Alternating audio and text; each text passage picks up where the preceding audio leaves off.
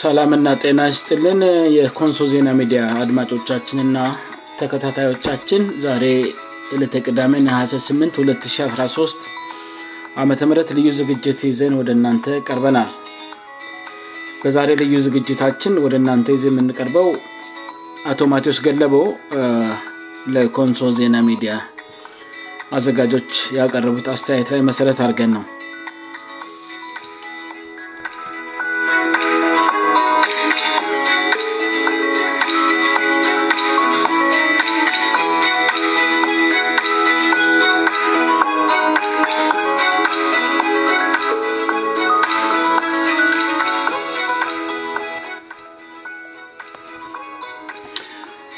ከዚህ ቀጥሎ የምናቀርብላችሁ ልዩ ፕሮግራም አቶ ማዎስ ገለቦ የቀድሞ የኮንሶ የህዝብ ተወካዮች ምክር ቤት እንደራሴ መሆናቸው ይታወቃል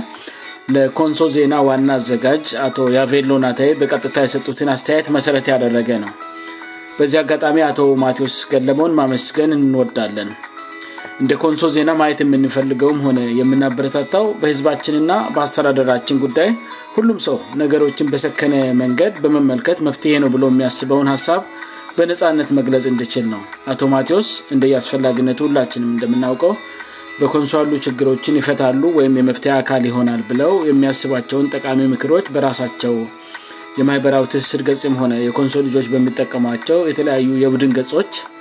በማስተላለፍ ንቁ ተሳትፎ በማድረግ ላይ ናቸው ሁላችንም እንደምናውቀው በእሳቸው እድሜ ያሉእና የተማሩ ሌሎችም የኮንሶ ሰዎች ያንኑ ማድረግ ብችሉ እና አርያነታቸው ሌሎችንም ለተሻሉ መፍትሄ ሊያነሳሳ ይችላል ብለን እናምናለን ስለዚህ ጠቃሚ ሀሳብ ያላቸው ሌሎችም ተመሳሳይ ነገር ማድረግ ብችሉ ጥሩ ይመስለናል ከዚ ቀጥሎ ማዎስ የተፈውንናበአቶማቴዎስ የተጻፈው ሀሳብ ቀጥታ እንዳለ ካቀረብም በኋላ አስተያየቱ ውስጥ የተካተቱትን ዋና ዋና ሀሳቦች እንደ ኮንሶ ዜና ሙሉ በሙሉ ባይሆንም በአብዛኛው የምንስማማባቸው ሀሳቦች በመሆናቸው ሀሳቦቹን በማጉላትና ሌሎችም የሚያሳስቡንም ሀሳቦች የራሳችንንም በመጨመር የምመለከተው አካል ሀሳቦችን እንድጠቀምባቸው እናበረታታለን አቶ ማዎስም ሳቡን ሳባቸው መጨረሻ ላይ ሳቸው ላ ውይይት እንድናደርግ በመዝጊያ ሀረጉ ላይ ግብዣ አቅርበውልናል ስለ ይህንን በስፋት በኮንሱል ዜና ሚዲያ በኩል በደንብ ሀሳቡን ለውይይትም እንዲቀርብ እንድንነጋገርበትም በዚህ መልኩ ለማቅረብ የወደድነው ከሱም አንጻር ነው ስለዚ አሁን በቀጥታ ወደ አቶማቴዎስ አስተያየት እናልፋል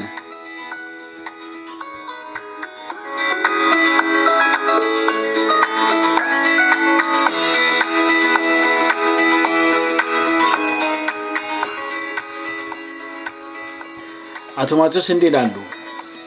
አቶ ያቤሎ ከሚታቀርባቸው ተደጋጋሚ ዘገባዎች በመነሳት በአካባቢያችን የሚታየው አለመግባባት በተለይ በምሁራን መካከል ተቀራርቦ ከመነጋገር መፈታት እንዳለባቸው ያለህን ከፍተኛ የሆነ መሻት ወይም ፍላጎት እንዳለ እገነዘባለሁ ይህ ደግሞ የአብዛኛዎቻችን ፍላጎት ነው ይሁንና ችግሩን በመነጋገር እንዳይፈታ የሚያደርጉ ጉዳዮች ያሉ ይመስለኛል በተለይም ችግሩ እንዲፈታ የምንፈልግበት መንገድ ወይም አፕሮች ዙሪያ ተቀራራቢ የሆነ እይታ የለንም ለአብነትም አንድ በኮንሶ ከፖለቲካው ባሻገር ሁለት ግልጽ የወጡ ልዩነቶች እየመጡ ያሉ ይመስለኛል ከነዚህም መካከል አንደኛው ወገን ሁሉንም ጥፋት በአካባቢው አስተዳደር ላይ ብቻ የሚለጥፍ የአካባቢው አስተዳዳሪዎች በህዝቡ ላይ ያልተገባ በደል በተደጋጋሚ እንደሚያደርሱ የምልስ ሞታ ብቻ የሚያቀርብ በአካባቢው የተሰሩ ጥሩ ስራዎችን መናገር የማይፈልግ አመራሩ የአካባቢው ምሁራንን እንደሚያሳድዱ ከልማት አንጻር ህዝቡ እዚ ግባ የሚባል ጥቅም እንዳላገኘ አመራሩ የመንግስትና የህዝብን ሀብት እንደሚቀራመት ወዘት የሚሉ አጠቃላይ ትችቶች ወይም ራይ ሪትሲዝም በስፋት የሚሰጥ ቡድን ነው ይህ ቡድን በአካባቢያችን የሚታዩ ችግሮች ከፖለቲካዊ እና ከአስተዳደሩ ጉዳዮች አልፎ ወደ ሃይማኖት ተቋማት ወደ ባህል መዋቅሮች ወደ ማህበራዊ ግንኙነታችን ወደ አጎራባጅ ህዝቦች ጋር ያለን ትስስርና ግንኙነት ወዘተ ዘልቆ እየገባ እንደሆነ ከወድሁ ካልታረመ ለአጠቃላይ ቀውስ ሊያጋልጠን የሚችል እንደሆነ በጥልቀት የተመለከተ አይመስለኝም በዚህ ረድፍ የተሰለፉ ወንድሞቻችን ሌሎች የተሳሳተ አቋምና አስተያየት የሚይዙ አንዳንድ ግለሰቦችን እንኳን ለማረም አይሞክሩም በዚህም የተነሳ ወዳደር ህልናቢስ ወዘተ የምሉ ቃላቶችን አመራርን ለማንኳሰስ በመጠቀም በአንዳንድ ግለሰቦች ዘንድ እየተለመደ እና እነዚህን ቃላት መጠቀም እንደ ኖርማል ጉዳይ ሆነው የሚታይ ሆነዋል ሁለተኛው ወገን በመንግስት በኩል በገዢው ፓርቲ አንዳንድ አባላትና ደጋፊዎች ዘንድ እየታየ ያለው የተንሸዋረረ እይታ ነው በዚህ ረድፍ የተሰለፈው አካል በአካባቢው ለሚከሰቱ አለመግባባቶችና ግጭቶች ሁሉ ተጠያቂ አድርጎ የሚወስደው የተቃሚ ፓርቲ አባላትና ደጋፊዎች እንዲሁም የነሱ ሀሳብ አራማጆችን ነው በዚህም የተነሳ አልፎ አልፎ የሚፈጸሙ የወንጀል ድርጊቶች በአንድ ጊዜ በርካታ ቁጥር ያለው ሰው ሲታሰር ይስተዋላል በኔ እምነት በመንግስት ስልጣን ላይ ያለው ኃይል ሁሉንም ነገር በጥንቃቄና በሚዛኑ ማየት ያለበት ይመስለኛል ከስሜት ወጥቶ ነገሮችን በትዕግስት ማየትና ማስተናገድ ያለበትም ይሄው አካል ነው በትክክል የተፈጸሙ ስህተቶች ሲያጋጥም ፈጥኖ ማድረም ያለበት አካልም ነው ስለሆነም በአካባቢው ሰላም እንድረጋገጥ በመካከላችን የተከሰተው አለመግባባት በመነጋገር መቋጫ እንዲያገኝ ህዝቡ የበለጠ ከልማቱ ተጠቃሚ እንዲሆን እና የህዝቡን ቀጣይ አብረነትና አንድነት የምንሻ ከሆነ ከግላዊ የፖለቲካ አቋም ባሻገር እነዚህ ከላይ የተጠቀሱት ሁለት ተቀራኒ ጫፎች በሚዛኑ የሚያይ የመሀል ወይም ኒውትራል ስታንድ አካሄድና አቋም ያላቸው ግለሰቦች ያስፈልጉናል በዚህ ረድፍ የሚሰለፉ ግለሰቦች ደግሞ ከተንሸዋረረ እይታ ወጥተው ችግሩ የሚፈታበት መንገድ ላይ ብቻ ማተኮር አለባቸው እንደዚህ አይነት አቋም ያላቸው ግለሰቦች እየተበራከቱ ክሄዱ ደግሞ እየተፈጠረ ያለው አለመቀራረብ አለመተማመንና እርስ በርስ የመናቆር ችግር የማይፈታበት ሁኔታ አይኖርም ብያስባሉ በመካከላችን የሚታየው ሌላኛው ልዩነጥ የተፈጠረው አለመግባባትን በእነማን በኩል ንፍታው የሚለው ነው በመካከላችን የተፈጠረው አለመግባባት ለመፍታትና በህዝቡ መካከል እርቀ ሰላም ለማውረድ የሚዘጋጁ መድረኮች በገለልተኛ አካል መመራት እንዳለባቸው ስምምነት አለብያስባለሁ መልስ ያላገኘው ግን የተደበላለቀ የጅምላ አካህል እየተለመደ በሄደበት በአሁኑ ወቅት ገለልተኛ ተብሎ የሚወሰደውና እምነት የሚጣልበት አካል ማን ነው የሚለው ነው ስለ እውነት እንነጋገር ከተባለ እንደዚህ አይነት ችግሮች ሲፈጠሩ በመሃል ሆነው የገላጋይነት ወይም የአስታራቅነት ሚና የሚጫወቱት ቤት እምነቶች ባህላዊ መዋቅሩ ገለልተኛ የሆኑ ምሁራንና በህዝብ ዘንድ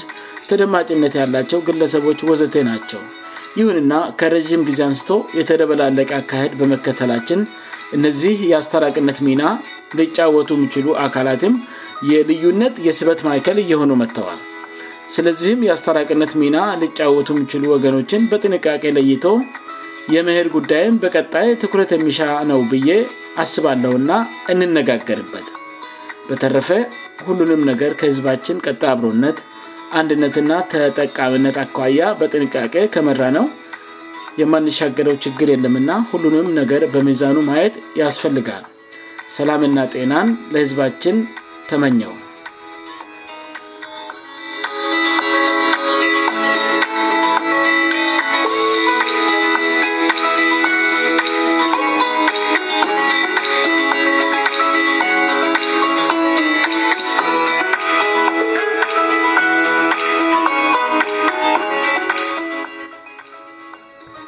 አድማጮቻችን ከላይ የተመለከት ነው የአቶማቴዎስ ሀሳብ ጋር ኮንሶል ዜና በአብዛኛው ስማ መግቢያ ላይም እንደነገርኳችሁ ሆኖም ግን መፍትሄውን እውን ለማድረግ ተጨማሪ መታየት የሚገባው አስተዳድራዊ ጉዳዮችም ትልቅ ትኩረት ሊሰጣቸው ይገባል ብለን እናምናለን የእኛን አስተያየት ከመጨመራችን በፊት ግን አቶማቴዎስ ከላይ ያነሷቸውን ነጥቦች ለማጉላት ያህል መጠነኛ ትንታኔ በማካከል ዋና ነጥቦችን ሰው ሁሉ ማየት እንድችል ለማድመቅ ሙከራ እናደርጋለን እንደ አቶ ማቴዎስ መረዳት ችግሮቹ እንዳሉ ከተማመንን ወደ መፍትሄው እንዳንሄድ የሚታገለን ምንድን ነው ሁለት ሀሳብ ነው ያስቀምቱት አንደኛ ችግሮች ስለሚፈቱበት መንገድ ተቀራራቢ እይታ የለንም ሁለተኛ ችግሮቹ መፍታት በተለይም የእርቀሰላሙ ጉዳይ በማን በኩል የሆን የሚለው አስቸጋሪ ይመስላል ይላሉ አቶ ማዎስ እ የመጀመሪያውን ትንታኔ ያቀረቡበትን እንመልከት ችግሮቹ ስለሚፈቱበት መንገድ ተቀራራቢ እይት ይለንም ካሉ በኋላ ይህም የሆነው ሁለት ተቀራኒ ፅንፍ ላይ የቆሙ ቡድኖች በመፈጠራቸው ነው ይላል የመጀመሪያው ቡድን ይህ ቡድን ሁሉንም ችግሮች በአካባቢው አስተዳደር ላይ ብቻ የሚለጥፍ ነው የአካባቢው አስተዳደር በህዝብ ላይ ያልተገባ በደል ያደርሳል የምል ተደጋጋሚ ስሞታ ብቻ የሚያቀርብ ነው በአካባቢው የተሰሩ ጥሩ ስራዎችን መናገር የማይፈልግ ነው አመራሩ የአካባቢውን ምሁራን ያሳድዳል ብሎ የሚተች ነው ከልማት አንጻር ህዝቡ እዚ ግባ የሚባል አላገኘም ብሎ የሚተች ነው አመራሩ የመንግስትን ና የህዝብን ሀብት የሚቀራመት እንደሆነ የሚተች ነው ይህ ቡድን በአካባቢያችን ያሉ ችግሮች ከፖለቲካው እና ከአስተዳደሩ ያለፉ መሆናቸውን አልተመለከተም ችግሮቹ ወደ ሃይማኖት ተቋማት ወደ ባህላዊ ማዋቅሮች ወደ ማኅበራዊ ግንኙነታችንና ከአጎራባ ህዝቦች ጋር ወዳለን የግንኙነት ትስስር ጭምር ዘልቆ እየገባ እንደሆነ በጥልቀት አይመለከትም ይህ ቡድን ችግሮቹ ከወድሁ ካልታረሙ ለአጠቃላይ ቀውስ ሊያጋልጥን እንደምችል በጥልቀት አይመለከትም በዚህ ቡድን ውስጥ ያሉ ወገኖች ሌሎች የተሳሳተ አቋምና አስተያየት የሚይዙ አንዳንድ ግለሰቦችን እንኳን ለማረም አይሞክሩም ሌሎች የተሳሳቱ ግለሰቦችን ለማረም ካለመሞከራቸው የተነሳ አመራሩን ለመግለጽ እና ለማንኳሰዝ ሆዳደር ሄሊና ቢስ ወዘተ የሚሉ ቃላትን መጠቀም በአንዳንዶች ዘንድ የተለመደ ሆነ መጥተዋል ይህ እንግዲህ አቶ ማቴዎስ የመጀመሪያው ቡድን ብለው ስላስቀምጧቸው ሰዎች ያላቸው መረዳት ነው ሁለተኛው ቡድን ደግሞ እንደ አቶ ማዎስ ይህ ቡድን ደግሞ የመንግስት ወይም የገዢው ፓርቲ አንዳንድ አባላትና ደጋፊዎችን ያካተተ ነው በዚህም ቡድን በኩል የተንሸዋረረ ይታ ይስተዋላል በአካባቢው ለሚከሰቱ አለመግባባቶችና ግጭቶች ሁሉ የተቃዋሚ የፖለቲካ ፓርቲ አባላትና ደጋፊዎች እንዲሁም የፓርቲን ሀሳብ አራማጆች ተጠያ ያደርጋል ከዚ ጋር ተያይ አልፎአልፎ በሚፈሙ የወንጀል ድርጊቶች በአንድ ጊዜ በርካታ ቁጥር ያለው ሰው ስታሰር ይስተዋላል የሚል ነው ያስቀምጡት መፍትው መፍትሄው ጋር እንደ መፍትሄ ሀሳብ ያስቀምጡትንም እንመልከት መፍትሄውን ሲያስቀምጡ ሁለት ነው ያስቀምጡት በዚ ስር የመጀመሪያው በመንግስት ሃላፍነት ላይ ያለውን ቡድን በተመለከተ በመንግስት ስልጣን ላይ ያለው ኃይል ሁሉንም ነገር በጥንቃቄና በምዛን ማየት አለበት ከስሜታዊነት ወጥቶ ነገሮችን በትግስ ማየት ይኖርበታል በመንግስት ስልጣን ላይ ባለው ኃይል በኩል የተፈጸሙ ስህተቶች ሲያጋጥሙ ፈጥኖ ማድረም ያስፈልጋል ብለዋል እንደ መፍትሄ ያስቀመጡት ሌላኛው ሀሳብ ሶስተኛ ቡድን ለመፍት ያስፈልጋል የሚል ሀሳብ ነው ያስቀመጡት በመካከላችን የተከሰተው አለመግባባት መቋጫ እንዲያገኝ ከግላዊ የፖለቲካ አቋም ባሻገር ከላይ የተጠቀሱ ሁለት ተቃዳነ ጫፎችን በሚዛን የሚያይ የመሀል አካሄድ ና አቋም ያላቸው ግለሰቦች ያስፈልጋሉ በዚህ ሦስተኛ ቡድን ውስጥ የሚሰለፉ ግለሰቦች ከተንሸዋረረ እይታ ወጥተው ችግሮቹ የሚፈቱበት መንገድ ላይ ብቻ ማተኮር አለባቸው ይህ ቡድን እየዳበረ ሲሄድ አሁን እየተፈጠረ ያለው አለመቀራረብ አለመተማመንና እርስ በርስ ናየመናቆድ ችግር ይፈታል ብለው ያምናሉ አቶ ማዎስ እ እንግዲህ አቶ ማዎስ ሌላ ሁለተኛ ችግ ነውብ የሚያሱ ሁለተኛው ሀሳብ ደግሞ ችግሩ መፍታት በተለይ የእርቀ ሰላሙ ጉዳይ በማን በኩል ሆን የሚለው ራሱ አስቸጋሪ ነው ይላሉ እንደ አቶ ማዎስ መረዳት የተፈጠረውን አለመግባባት ለመፍታትና በህዝቡ መካከል እርቀሰላም ለማውረድ የሚዘጋጁ መድረኮች ገለልተኛ አካል ወይም በገለልተኛ አካል መመራት እንዳለባቸው ስምምነት እንዳለ ጠቁመው ታዲያ ችግሩ ምንድን ነው የሚለውን ሀሳቦች ያነሳሉ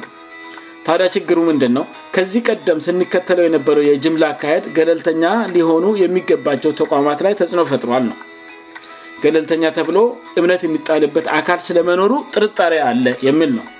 በታሪካችን ከዚህ በፊት የገላጋይነትና የአስታራቅነት ሚና የነበራቸው እንደ ቤት እምነቶች ባህላዊ መዋቅር ገለልተኛ የሆኑ ምሁራን ህዝብ እምነት የምጥልባቸው ተደረማጭነት ያላቸው ግለሰቦች ናቸው ብ ያስቀምጥና ይሁንና የተደበላ አለቀ አካሄድ በመከተላችን የአስታራቅነት ሚና መጫወት የሚገባቸው እነዚህ ተቃማት ሳይቀሩ የልዩነት ስበት ማይከል የሆኑ መተዋል ይላሉእግይደምን ለማለት እንደፈለጉ ግን እንደተረዳሁት እነዚህ ተቋማት ራሳቸው የልዩነት ምክንያት የሆኑ መጥተል ለማለት የፈልጉ ይመስለኛል ለሱም እንደ መፍትሄ የሚያስቀምጡት ሀሳብ አለ አቶማቴች ለዚህኛው ደግሞ እንደ መፍትሄ የሚያስቀምጡት የአስታራቅነት ሚና ልጫወቱ የሚችሉ ወገኖች በጥንቃቄ ለይቶ መሄድ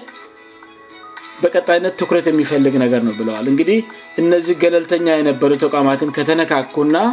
ገለልተኝነታቸው አጠራጣሪ ከሆነ ሌላ አማራጭ ልናጣ ነው ነገር ግን አማራጭ ማጣት ያለብንም ሙሉ በሙሉ አሁንም ገለልተኛ ሰዎችን ከነዚ ተቋማት ነው የምንፈልገው ነገር ግን ገለልተኛ ወገኖችን በምንፈልግበት ሂደት ውስጥ በልዩ ጥንቃቄ ሊደረግ ይገባል የሚል ነው አንድ ያስቀምጡት ሀሳብ ሌላኛው ሁሉንም ነገር ከህዝባችን ቀጣይ አብሮነት አንድነትና ተጠቃሚነት አኳያ በጥንቃቄ መምራትና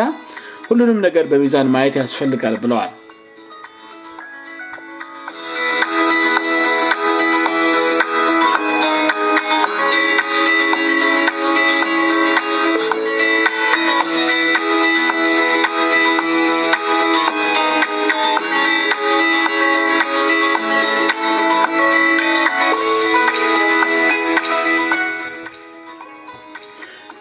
አድማጮቻችን እንግዲህ ከላይ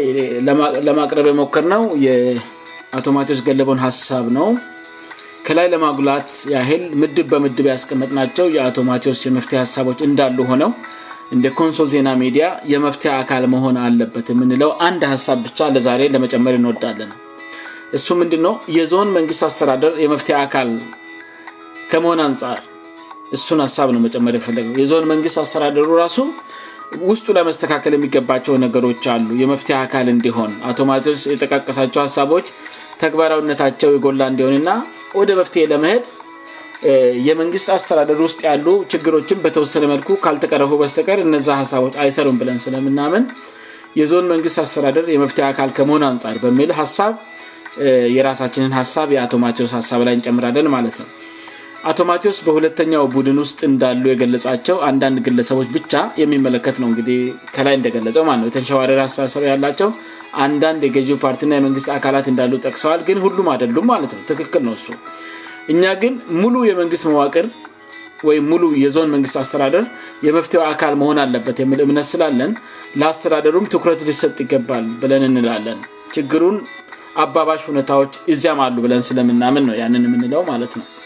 ስለዚህ ኮንሶ ውስጥ የተፈጠረውን አለመግባባት ና የአንድነት መጥፋት ከመቅረፍ አንጻር አቶ ማዎስ ገለበ ከላይ ያስቀመጧቸው ሁለት ነጥቦች እንዳሉ ሆነው የዞኑ መንግስት አስተዳድርም የመፍትሄ አካል ከመሆን አንፃር ትልቅ ትኩረት ሊሰጠው ይገባል ብለን እንደ ኮንሶ ዜና እናስባለን ይህንን ስንል ቢያንስ ከሶስት ነጥቦች አኳያ ሀሳቡን በግልጽ ለማስረዳት ይሞክራለን የመንግስት አስተዳድርን ለመፍት አካልነት ከመጠቀም አንጻር ከዚህ ቀጥሎ ያሉትን ሶስት መሠረታዊ ጉዳዮች ታሳቢ እናደርጋለን የመጀመሪያው የመንግስት አወቃቀልን መረዳትን በተመለከተ ችግር ያለ መስለ ይሰማናል ይሄ መቀረፍ አለበት ብለ እናምናለን ሁለተኛ የፖለቲካና የመንግስት ተግባራት መደበላለቅ ጋር የተያዙ ችግሮች በግልጽ ይታሉ በኮንሶ የዞኑ አስተዳደር መንግስት በኩል ማለት ነው እሱም መስተካከል አለበት ብለ እናምናለን ሶስተኛ ደግሞ የጥቅት ግለሰቦች ሙሉን የመንግስት መዋቅል ለመቆጣጠር መሞክር የሚያስከትላቸው ችግሮች አሉና ይህም መስተካከል አለበት ብለን እናምናለን ስለዚህ እነዚህ ነገሮች ከተቀረፉ ወደ መፍትሄ መፍጠን እንችላለን እነዚ ካልተቀረፉግን አቶማቶች ያስቀምጧቸው ቆንጆ ቆንጆ የመት ሀሳቦች ብዙም ርቀት አይሄዱም ማለት ነው ምክንያቱም ኃይል ያለው አካልም ችግር ውስጥ ንልቭ ደሆናል ብለን ስለምናምን ማለት ነው ስለዚህ መጀመሪያውን ሀሳብ እንመልከት የመንግስት አወቃቀልና የመንግስት ምስሰዎች ላይ ያለው ግንዛቤ ጋችግር አለስንል ምን ማለታችን ነው ማንኛውም ዲሞክራሲያዊ የመንግስት አስተዳደር ወይም ደግሞ ማንኛውም ዲሞክራሲዊ መንግስት በሶስት መሰረታዊ ምስሶዎች ላይ እንደሚገነባ ቢያንስ ሁለተኛ ደረጃ ትምህርት የጨረሰ ሁሉ ይገነዘባል የምል እምነት አለን እነሱም የመንግስት ምስሶዎች አንደኛ ህግ የሚያወጣው የመንግስት ምስሶ ወይም አካል በቀጥታ በህዝብ ተመርጠው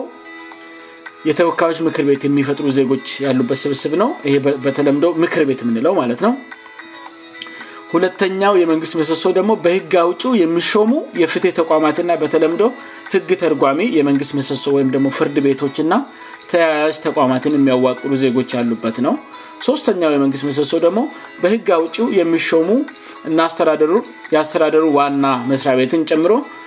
የተለያዩ የመንግስት ሰክተር መስሪያ ቤቶችን የሚመራውና በተለምዶ ህግ አስፈፃሚ ወይም አስተዳደር የምንለው ነው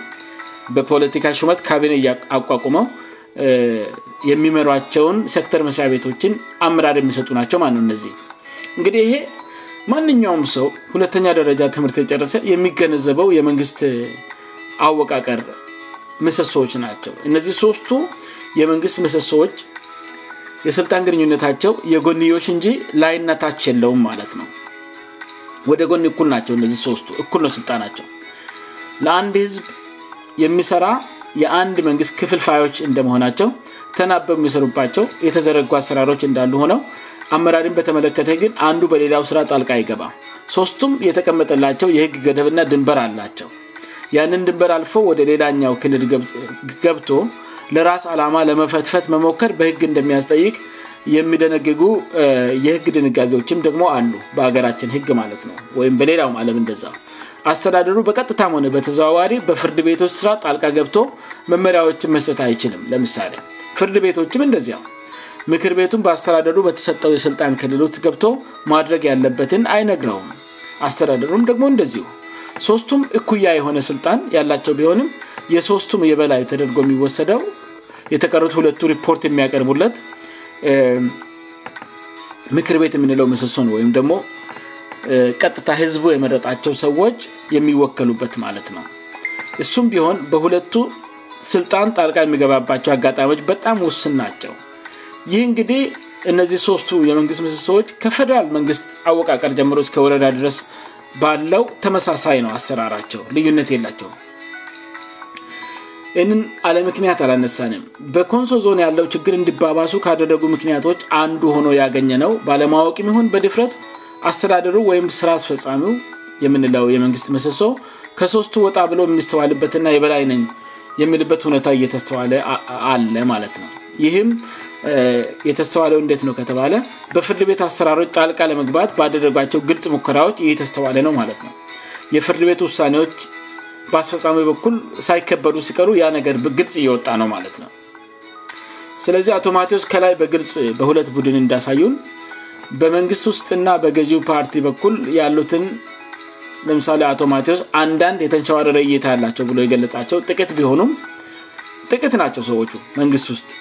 እንደዛም ሆኖ ግን የመንግስትን ጉልበት መጠቀም አቅሚ ያላቸው ከመሆኗ ጋር ተያይዘ ከባድ ችግር መፍጠር እድላቸው ከፍ ያለ ነው ችግርም እየፈጠሩም ነው አመለካከታቸውን የማይደግፉ ግሰቦችን ስን በመለጠፍ ወይም እንደሚሆነው አድርገው በሚያሳስሩበት ጊዜ ለምሳሌ ፍርድ ቤት እግህ ራሱ አሰራር አለው ከነሱ ቀጥታ የተጣበቀ አደለም ፍርድ ቤት ቀርበው ሰዎቹ ጉዳያቸው በፍርድ ቤቶች ከተመለከቱ በኋላ ውሳነ ሲያስተላልፉበት የፍርድ ቤቶቹ ውሳነ ለእነሱ ማይትላቸው ሆነው ሲገኝ የፍርድ ቤቶችን ትዛዝ አለማክበር የተለመደ የሆነ መጥተዋል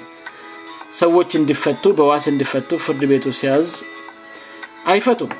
ለምሳሌ የጸጥታ አካሉ ለካድሬዎቹ ወይም ደሞ ለተሚዎቹ ስለሚታዘዝ የፍርድ ቤቱ ትዛዝ ከቁም ነገር አይቆጠድም ማለት ነውና ዜጎቹን ተጨማሪ አንድ ቀንም ሁለት ቀንም የማጉላላት ድል ይፈጠራል የጥታ ተቋማት ከፍርድ ቤቶች ይልቅ የበላዮቻቸውንና የፖለቲካ ተዋሚዎችን ትዝ የበጠ ስለሚያብሩ ከተጻፈው የሀገራችን ህግ ይል የባለስልጣናቶቻችን ትዛዝ አንዳን ህግን እየተካ ይገኛል ማለት ነው ይሄ በጣም አድረገኛ አካሄድ ነው ብለ የምናምነው ስለዚ እሱም ብቻ አደለም ደግሞ በስራ አስፈፃሚ በኩል የፍርድ ቤት ዳኞችን ማሰር ስልክ እየደወሉ ዳኞችን ማስፈራራት እነዚህ ራሳቸው ረ በይፋ እየሆኑ ነው ከሚደርሱን ተጨባጭ መረጃዎች የድምፅ ቅጆች ሳይቀር ማለት ነው እና ይህ በጣም አሳፋሪ ነገር ነውእንግዲ ሁን ያንን የማያቅሰው አሁንም በጣም ወደ መንግስት ሀላፊዎች ጫና እያደግን እንደሆነ አይነት ስሜት ሊሰማው ይችላልግን ይሄ ነር ነው በአጠቃላይ እነሱ ያላከበሩትን ህግ ማንም ላይ ቢያስከብሩ ትርጉም የለውም ይ ግብዝነት ስለሆነ ማለትነው ስለዚህ ይህንን የምንናገርአሁንም በወረ ወይም በአሉባልቷ ሳይሆን ተጨባጭ ማስረጃዎች በየጊዜው ስለሚደርሱ ነው አመራሩ ህግ አክብሮ ዜጎች በህግ ስርዓቱ ላይ እምነት እንዲያሳድሩ የበኩላቸውን ከማድረግ ይልቅ ህግን ለተራ ዜጎች ብቻ እንጂ ለነሱ እንዳልሆነ ለማሳየት ከፍተኛ ጥረት እያደርጉ ያሉበት ሁኔታ ያለው ስለዚህ ስልጣን ላ ያለው አካልም የመንግስት ኃይል በመጠቀም ህዝብ ውስጥ የተፈጠረውን አለመግባባት በጉልበት ለመቀልበስ ወይም በጉልበት ሰውን አንድ ለማድረግ መንቀሳቀስ ከመፍትሄነት ይልቅ ችግሩን የማባባስ አዝማሚያ እንዳለው ልብ ገዝተው ልብ ልሉ ይገባል ብለን እንላለን ቀደምስል አቶ ማቴዎስ እንደመከሩትም ሰከን ማለትና በልህ ነገሮችን በጉልበት ለመፍታት ከመጣጣል ይልክ በትዕግስትና የመንግስትን እውነተኛ ሀላፍነት ታሳቢ ባደረገ ሚዛናዊ መንገድ ስራቸውን ብሰሩ ይመረጣል ይሄ እንግዲህ መዋቅሮቹ ጋር የተያዘውን የአሰራር ሁኔታ ግልጽ አለማድረግ እና አንዱ ወደ ሌላው የስልጣን ክልል የመሻገር ጣጣ ነው ያስረዳ ለው ሁለተኛው አስተዳደሩ ጋር መቀረፍ አለበት የምንለው ህዝባችን ንድ እንዲሆን ከማገዝ አንጻ መቀረፍ አለበት ምለው የፖለቲካና የመንግስት ተግባራት መደበላ አለቅ ነው በኮንሶ ዞን በየጊዜው ከሚከሰቱ ክስቶች ለኮንሶ ዜና ከተለያዩ የመንግስት ሰክተር መስሪያቤቶች ከሚደርሱ ተጨባጅ ማስረጃዎች መረዳት እንደቻል ነው አመራሩ በፖለቲካ ስራና በመንግስት ስራ መካል መለየት ወደማይችልበት ሁ መድረሱን እያዋር እንገኛለን ምናልባትም ከዚ በፊትም አይለይም አናቅም ዚበፊት አይለይም ወከቅርብ ጊዜ ወ የመጣ ነው እንግ በኮንሶ ጉዳይ ዜና መስራትና ህዝብንንድነገሮችን እንዲያውቅ ማድ ከጀመር አመት እ አልሆነንምና ምናባትም አሰራሩ ከዛበፊት እሊሆን ይችላል ግ ከህግ አባብ ውጭ ስለሆ ህገወጥነትን በሙሉ ማጋለት ተገቢ ነው ግን በጣም አሳሳቢ ነው በመንግስትና በፓርቲ ስራ ካከል አለመለየትና ሁሉንም ነ ለፓርቲ ጥቅም መስት አደገኛ ነው ጉዳዩን በቅርበት እንደሚከታተል ተቋሙ ኮንሶ ዜና ሚዲያ ይህ ክስተት ኮንሶ ዜና ሚዲ በከፍተኛ ሁታ እያሳሰበ መጥቷል በህዝብ መካከል ያለውን መካረር ከሚጨምሩ ሁኔታዎች መካከል አቶ ማዎስ ከላይ እንዳነሱት በማህበረሰብ ውስጥ ያሉ ነባር ችግሮችን ፖለቲካዊ ሽፋን መስጠት ነው ይህ ችግር በመንግስት ላፊዎች በኩል ብቻ የሚታይ አደለም በእርግጥ የዜማ ፓርቲ አካላትም ተመሳሳይ እይታ ያላቸው ይመስለናል ነገር ግን ችግሩን የከፋ የሚያደርገው ማንንም በፈለገ ጊዜ በየትኛውን ቦታና ጊዜ ማሰራቅም ያለው የመንግስትን ተቋማት የሚመሩ ባለስልጣናት ሁሉንም በፖለቲካ አይን የሚመለከቱ ከሆነ ነው ማለትነውውቱ የከፋና ደገኛ የሚሆነው ይህ አካሄድ ችግሩን በአግባቡ ከስር መሰረቱ አይቶ ለመቅረፍ እድል ይከለክላል ማለት ነው ሁሉንም ነገር በደፈናው ፖለቲካ ነው የሚለውን ብርድ ልብስ ካለበስ ነው እውነተኛ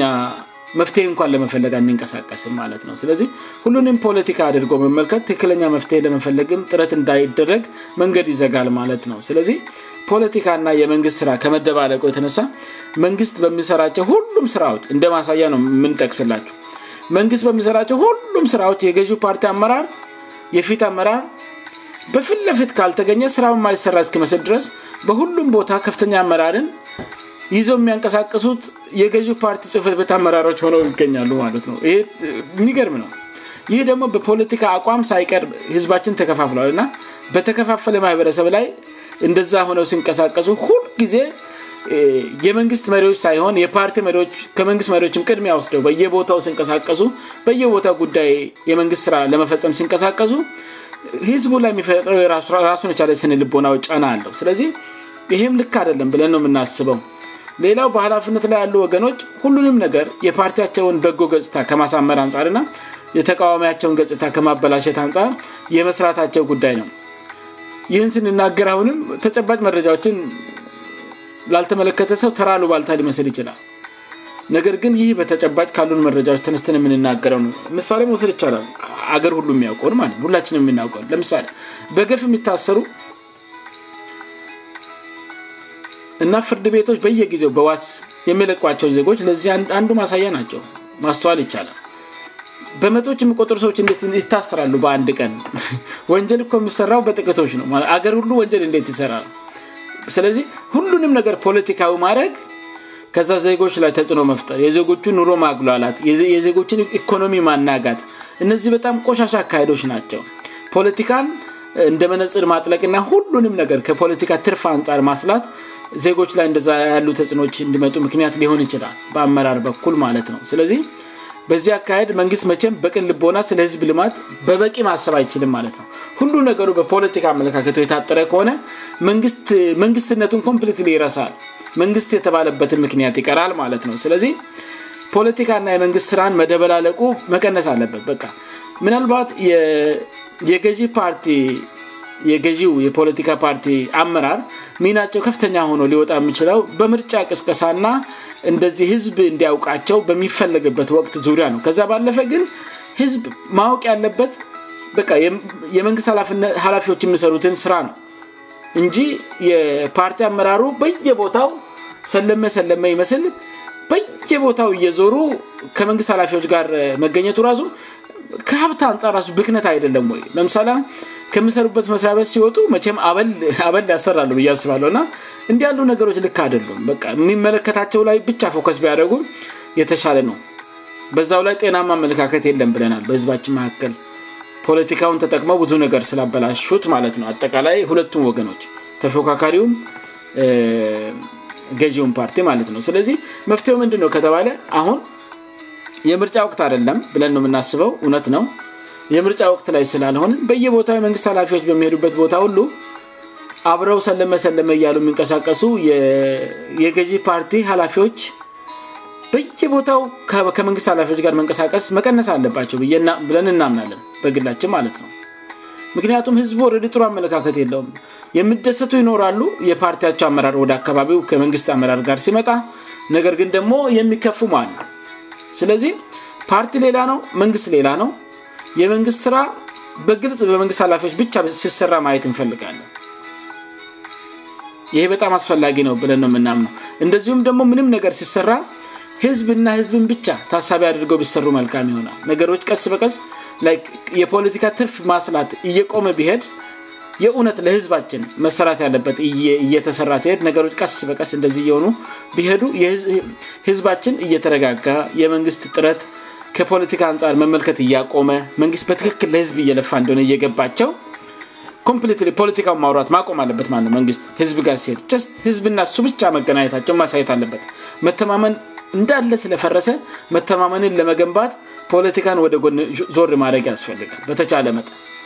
ስለዚ በትክክል ለህዝብ ጥቅም መግስት እየሰራ እንደሆነብ የሚረዳው ፖለቲካ አየሩን ሳይቆጣጠር ስቀር ነው በሁሉ ቦታና ራ የመንግስት ማዋቅርም የፖለቲካ መሳሪያ መሆኑ እየቀነሰ ይሄዳል ማለት ነው በዚ አግባብ ህዝብም ደግሞ ከስጋት ነጻ እየሆነ ይሄዳል የመጨረሻው ከአመራሩ ጋር የተያዘና መቀረብ ቢቀረፍ በዚ መካከል ያለውን ክፍተት ከማጥበብና ሰላምን ከማውረድ አንር ትልቅ ሚና ይጫወታ የምንለው ደግሞ የጥቅት ግለዘቦች ሙሉውን የመንግስት ማዋቅር ለመቆጣጠር የመሞከርና የሚያስከትለው ጣጣ ነው ደግሞ የዞን አስተዳደር ስናነሳ ችግሮ ችንን በዘላቅነት ከመፍታት አንጻር ሌላው ማየት ያለብን የጥቂት አመራሮች ሁሉንም የመንግስት ማዋቅሮች ለመቆጣጠር መጣጣር ነው ይህ ችግር ለብዙዎች ግልጽ ላይ ሆን ይችላል በእግም ውስ ለውስ የሚሰራ ስራ ስለሆነ ማለትነው ሆኖም ግን አሰዳድሩን በቅርበት የሚከታተል ሰው ወዲያው የሚረዳው ጉዳይ ነው በጣት የሚቆጠሉና የሚታወቁ ግለሰቦች ሁሉንም ነገር የማድረግ አቅምና ስልጣን እንዳላቸው በዞኑ መንግስት ውስጥ ቁልፍ ሰው በመሆናቸው ሁሉንም በስልጣናቸው ማድረግ የሚችሉ መስላቸው በሁሉም ሰክተር መስሪያ ቤቶች ና በተለይም በጥታና በፍትህ ተቋማት ስራ ውስጥ ጣልቃ እየገቡ ሲያበኩ ለኮንሶ ዜና ሚዲያ የሚደርሱ ተጨባጭ ማስረጃዎች አሳይተውናል ስለዚህ በእነዚህ ግለሰቦች በሚሰጥ ቲዛዝ አንዳንድ ሴክተር መስሪያ ቤቶች እንዲሁም ከተመለከትናቸው ማስረጃዎች እንደትረዳ ነው ወይም ከደረሱን ተጨባ ማስረጃዎች እንትረዳ ነው አንዳንዶች ክተር መስ ቤቶች የክተር መስሪያ ቤቶቹ የመምሪያው ሀላፊዎች ምን ሁሉ ሲያደረጉ አስተውለናል ከስራቸው ያሉ ባለሙያዎችንና ሹማምንቶችን ሲያሰልሉ ሁ ተስተውሏል ማለትነውይህበጣም ሾክ የሚያደግ ነው ምና ለጀመ ጊዜ የሚሰሙ ሰዎች ሊትኖሩ ትችላላቸሁእና አስደንጋጭ ሊሆን ይችላል እህን ሁሉ እናውቃለን ና ቀርተናለም ግን ሁሉንም ለሚዲያ አናወጣም ማለት ነው ስለዚህ ይህ አብዛኛው የማህበረሰብ ክፍል የማያውቀው ቢሆንም እንደ ኮንሶ ግን ይህ አደገኛ አካሄድ ነው አመራሩም እንደዚ አይነት ሁኔታ ውስጥ ኢንልቭ ያደገ አካልም ተገንዝበ ቶሎ ማቆም አለበት ብለን እናምንለን የመንግስት አሰራር በግልጽነት መሆን ሲገባው ጭራሽ አንዱ ሌላውን ለመቆጣጠርና ከሚያራምደው አመለካከቱ ውጭ ነገሮችን ይሰራል ብሎ ያሰበውን ሰው የስልላ መረብ ዘርግቶ ከመሰልል መድረስ hm፣ በህዝብ መካከል የነበረውን መከፋፈል ወደ ሰክተር መስሪያ ቤቶቹ ከማስፋፋት የበለጠ ክፍፍል ከመፍጠር የዘለለ ፋይዳ ይኖረውም ማለት ነው ስለ አንድነት እያወራን አንደኛው እዚህ ጋር ሌላውን ከፍላጎት ውጭ በጉልበትና በመንግስት ዱላ ተጠቅመው ለመቆጣጠር ሲሞክር ተገብነት የለውም ህዝባችንን አይረዳም ምክንያቱም እነዚህ በየመስሪያ ቤት የሚሰሩም ዞሮ ዞሮ በህዝብ መካከል ነው የሚኖሩት ስለዚህ ነገሮቹ በነሱ በኩል ወደ ህዝብ መድረሱ አይቀርም እና ህዝብ እንደተከፋፈለ ይቆያል እን መፍትሄ አይመጣም ጉልበት ቁጥጥር መቸም ለውጥ አምጥቶ አያቅም መነጋገር ብቻ ነው ለውጥ እናያመጣው ግልጽ መሆን የእውነት መመሪያዎቹን ታሳቢ ማድረግ ህጉን ለማየት የመሞከር ህዝብን ዋና ማድረግ ሌላኛው ደግሞ ጥጥቂት ከፍተኛ ባለስልጣናት እንደ ችግር የሚቆጥሩትን ሰው ሁሉ ይ ጋር እየደወሉ ማስፈራራት አላግባቢ የሆነ የስነልቦና ጫና መፍጠር አባዜ ነው ሌላኛው ደግሞ ትነው ጥቂቶች አመራሮች ያደርጋሉ የምንላችው ሌላኛው ማለትነው ይህም ተገቢ አልሆነ ነገር ነው ይህንን ስንል መመካከልን መቃወማችን አይደለም በመንግስት አስተዳደር አካባቢ ያሉ ጉዳዮች የግል ጉዳዮች አይደሉም በአጭሩ መታወቅ ያለበት ስለዚ አንድ ላፊ በግሉ ከሱ በጣም ራቅ የስልጣን እርከ ላ ያለን ግለሰብ ወይም ዜጋ እየደወለ የሚያጸናንቅበት ምንም ምክንያት የለም በቀጥታ ከሱ ጋር የተያዘ የስልጣን ወይም የሀላፍነት መስመር እስከለለ ድረስ ማለት ነው ተገቢ አደለም ይህ በጣም መጥፎ አካሄድ ነው በመንግስት አስተዳር አካባቢ ያሉ ጉዳዮች የግል ጉዳዮች አይደሉም ይሄልሰመድበት ይገባል አንዱ የመንግስት ኃላፊ ብቻውን ሁሉንም ሰው አባት ልጆችን እንደሚቆጣጠር እየዞር መቆጣጠር አይገባ የመንግስት አስተዳደር የቡድን ስራ ነው ህዝብን ከመጥቀም አንፃር ብቻ የምሰራ ስራ ነው ሁሉም አዋቂዎች ናቸው ህፃን የለም መመካከር ቢኖር ራሱ በተዘረጋ አሰራር መጠቀም እንጂ ነፃ ፈቃድ ያላቸውን ና የሚሰሩበትን ህግ ያላቸውን ዜጎች እንደ ግል ሰራተኞች ወይም ንብረት በስነ ልብ ሆናቸው መጫወትና ለህይወታቸው ፍርሃት እስክሰማቸው ድረስ ህይወታቸውን ለመቆጣጠር ፍርሃት መዝራት አስፈልምአያስፈልግም ይ ባለስልጣንን በምሉ ወንድሞቻችን በኩላ ነገር መቆም አለበት ወረድ እየተደረገ እያየን ስለሆነ ማለት ይህ በጣም አደገኛ አካሄድ ነው ህዝባችን እንዳይረጋጋእና መሀላችን ላይ የተፈጠረው ችግር እንዳይቀረፍ ተጨማሪ ጫና የሚፈጥር ነገር ነው ስለዚህ ከአመራሩ በኩል መቀረፍ ያለባቸው ነገሮች አሉ አቶ ማዎስ ከአመራር ውጭ ያለውን ጠቃላይእንደ ግለሰቦች ብቻ ነው በሁለት ቡድን መድቦ ያወራውእና እኛ ደግሞ አመራር ወይም ደሞ አጠቃላይ መንግስት ስራ ውስጥ ያለውን ሞ ችግር የተመለከትነውን እሱንም ንጨምርና መፍትሄ ን ላይ ሙሉ ን ብለን ነው ስለዚህ ለዚህም መፍትው ምንድነው ከተባለ ጥቂቶች ሙሉን የመንግስት አስተዳደር የመቆጣጠር ስልጣን እንደለላቸው መታወቃ አለበት ሁሉም በራሱ በተሰጠው የህግ ክልል ውስጥ ሆኖ ስራውን ይስራል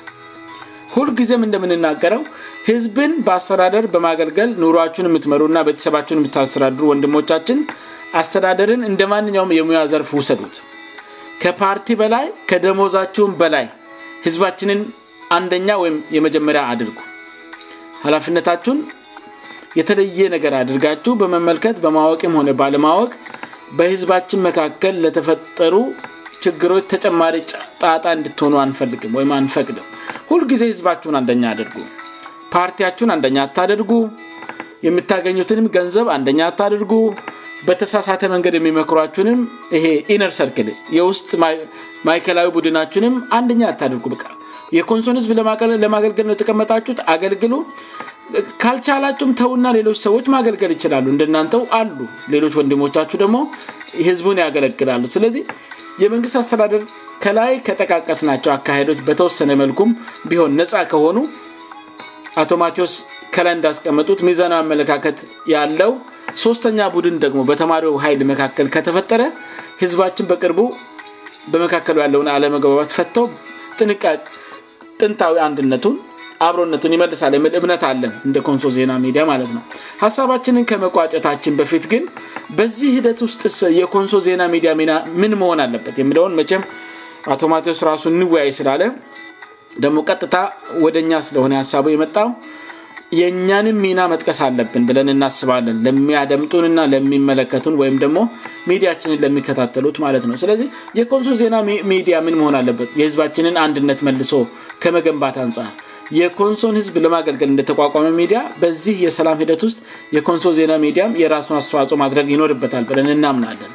ከተቋቋምንበት ጥር ወር 213 ዓም ጀምሮ እስካሁን በሰራናቸው ስራዎቻችን እንደተገነዘባችት ሚዲችን በሁለት ልልቅ ጉዳዮችላበትኩረት ይሰራል የመጀመሪያው በኮንሶ ውስጥ የሚሆኑ ክሰቶችን ከሰኞ እስከ አርብ በዜና መልክ ወደናንተ ማድረስ ሲሆን ሁለተኛው ደግሞ ትኩረት የሚናደርግበት ስራችን የንሶ ማህበረሰብን ለመለወጥ የሚረዱ ርእስ ጉዳዮችን እያነሳን መወያየት ነው እንግዶች ሲኖሩን እንግዶችን እንጋብዛለን እንግዶች ከልሉን ደግሞ በቋምነት እህንን ተቋምራን የምናደግ ሰዎች እኛው እንወያያለን ባለን ግንዛበ መጠን ማለት ነው የውይይት መድረኩ ለሁሉም የኮንሶሶች ክፍት ነው ብዙ ጊዜ እንናገራለን ዛሬም ንናገራለን የእውነት በፖለቲካ አመለካከት ልዩነት የለም በሃይማኖት ልዩነት የለም ሁሉም ለህዝባችን ይጠቅማል የምትሉትን የፖለቲካ ሀሳብ ሊሆን ይችላል የሃይማኖቲ ሀሳብ ሊሆን ይችላል ለኮንሶ ህዝብ ይጠቅማል የምንለውን ሁሉ ያለ ልዩነት እናስተናግዳለን እሱ ብቻም አደለም ከእኛ ጋ በሀሳብ የምስማሙም የማያስማሙም ሰዎች መጥተው ከኛ ጋር እንዲወያዩ ቤታችን ክፍት ነው ምክንያቱም ኮንሶ ዜና ሚዲያ በጥንደስሙ ነው ለኮንሶ ህዝብ ተብሎ የተፈጠረ ነው እንጂ ማንም ጥቅም የሚያገኝበት አደለም ዋጋ የምንከፍልበት ነው እንጂ ዋጋ የምናገኝበት አደለም ምናልባት እንግዲህ ለወደፊት ጊዜና ታሪክ ይዳኘናል እሱ ችግር የለውም ስለዚህ በኮንሶልስ መካከል የጠፋውን አንድነት ለመመለስ መገፋፋትን ለማጥፋት የኮንሶ ዜና ሚዲያ ከዚህ በፊት ውይይቶችን አካሄደል የሰማችሁ ሰምታችኋል በፌስቡክ ላይ በኩልም ስናስተላልፍ የተከታተላችሁ ተከታተላችኋል በኋላ በቴሌግራም ቻንላችን በኩልም ስናሰራጨው የተከታተላችሁ ትኖራላችሁግ ሁላችሁም ላ ትችላላችሁግ ምን እያል ነው ከዚህ በፊትም ወረዲ የኮንሶን ህዝብ አንድነት የሚመልሱ ሀሳቦችን እያነሳን እየተወያየን ነው ሰፍ ጊዜ ውስደን ውይይቶችን እያደግ ነው አሁንም በተመሳሳይ መልኩ ውይይቶቻችንን እንቀጥላለን እሱ ብቻም አደለም ለዚህ የሚጠቅሙ ወይም የሚረዱ ተጨማሪ ልዩ ዝግጅቶችን በማዘጋጀት የበኩላችንን እናድርቃል ወይም የበኩላችንን ማድረጋችንን እንቀጥላለን ግን እንደ ማሳሰብዚጋ መናገር የምንፈልገው ዜናዎችን ስንሰራ በተለይ ዜናውን ፓርት የስራችንን የዜናውን ክፍል በተመለከተ ዜናዎችን ስንሰራ ወይም ስናዘጋጅ የአዘጋጆቹን ሀሳብ ወይም የግል አመለካከት የማናቀርብ መሆኑን መገንዘብ ያስፈልጋል በአድማጭ ተመልካቾቻችን በኩል በዜና መልክ የሚቀርቡ ጉዳዮች መረት ላይ ሀፕን ያደጉ ክሰቶችን ነው የምናቀርበው እንጂ የእኛን ሀሳብ አደለም ስለዚህ በዚ አግባብ እንድትወስሉልን እንፈልጋለን ውይይቶች ላይ ግን የሚቀርቡ ወእንደዚሁም ደግሞ በልዩ ዝግጅት እንደዛሬ ባለ ልዩ ዝግጅት ላይ የምናቀርባቸው ሀሳቦች ግን የኮንሶ ዜና ሚዲያ አዘጋጆችን አቋም የሚያንፀባርቅ ሊሆን ይችላል በዚ አጋጣሚ አንድ መልካም ዜና ልንነግራቸው እንፈልጋለን ኮንሶ ዜና ሚዲያ ህጋዊ ሰውነት ያለው የሚዲያ ተቋም እንዲሆን እየሰራን መሆናችንንም እንድታውቁልን መግለጽ እንወዳለን እንደምታቁት የሚዲያና የኮሚኒኬሽን ፈቃድ የሚሰጠው የኢትዮጵያ መንግስት ኢንተርኔት ሚዲያን በተመለከተም የራሱ ህግና አሰራር አለውእና ለመመዝገብ አስቀድመው ቅድመ ሁነታዎችን ለማሟላት እና የሚሆኑ ነገሮችም በሙሉ በማሟላት ላይ እንገኛለን በቅርቡ ህጋዊ ሰውነት ያለው የሚዲያ ተቋም እኖናለን ብለን እናምናለን እሱንም ለአድማጭ እና ተመልካቾቻችን ወይም ደግሞ ለሚከተሉ ሚዲያችንን ለሚከታተሉ ተከታታዮቻችን መግለጽ እንወዳለን አላማችን ሁልጊዜም እንደምንናገረ ሁሉም ሰው ሀሳቡንና አመለካከቱን ያለምንም ፍርሃት የሚገልጽበትና ሳይሸማቀቅ በማህበራዊ ፖለቲካዊ አስተዳደራዊና ልማት ነክ የሆኑ የኮንሶ ጉዳዮች ላይ ውይይት ማድረግ የምችልበትን መድረግ መፍጠር ነው ይሄ ነው የኮንሶ ዜና ሌላ ዓላማ የለውም እየተሳካልንም ነ ብለን እናስባለን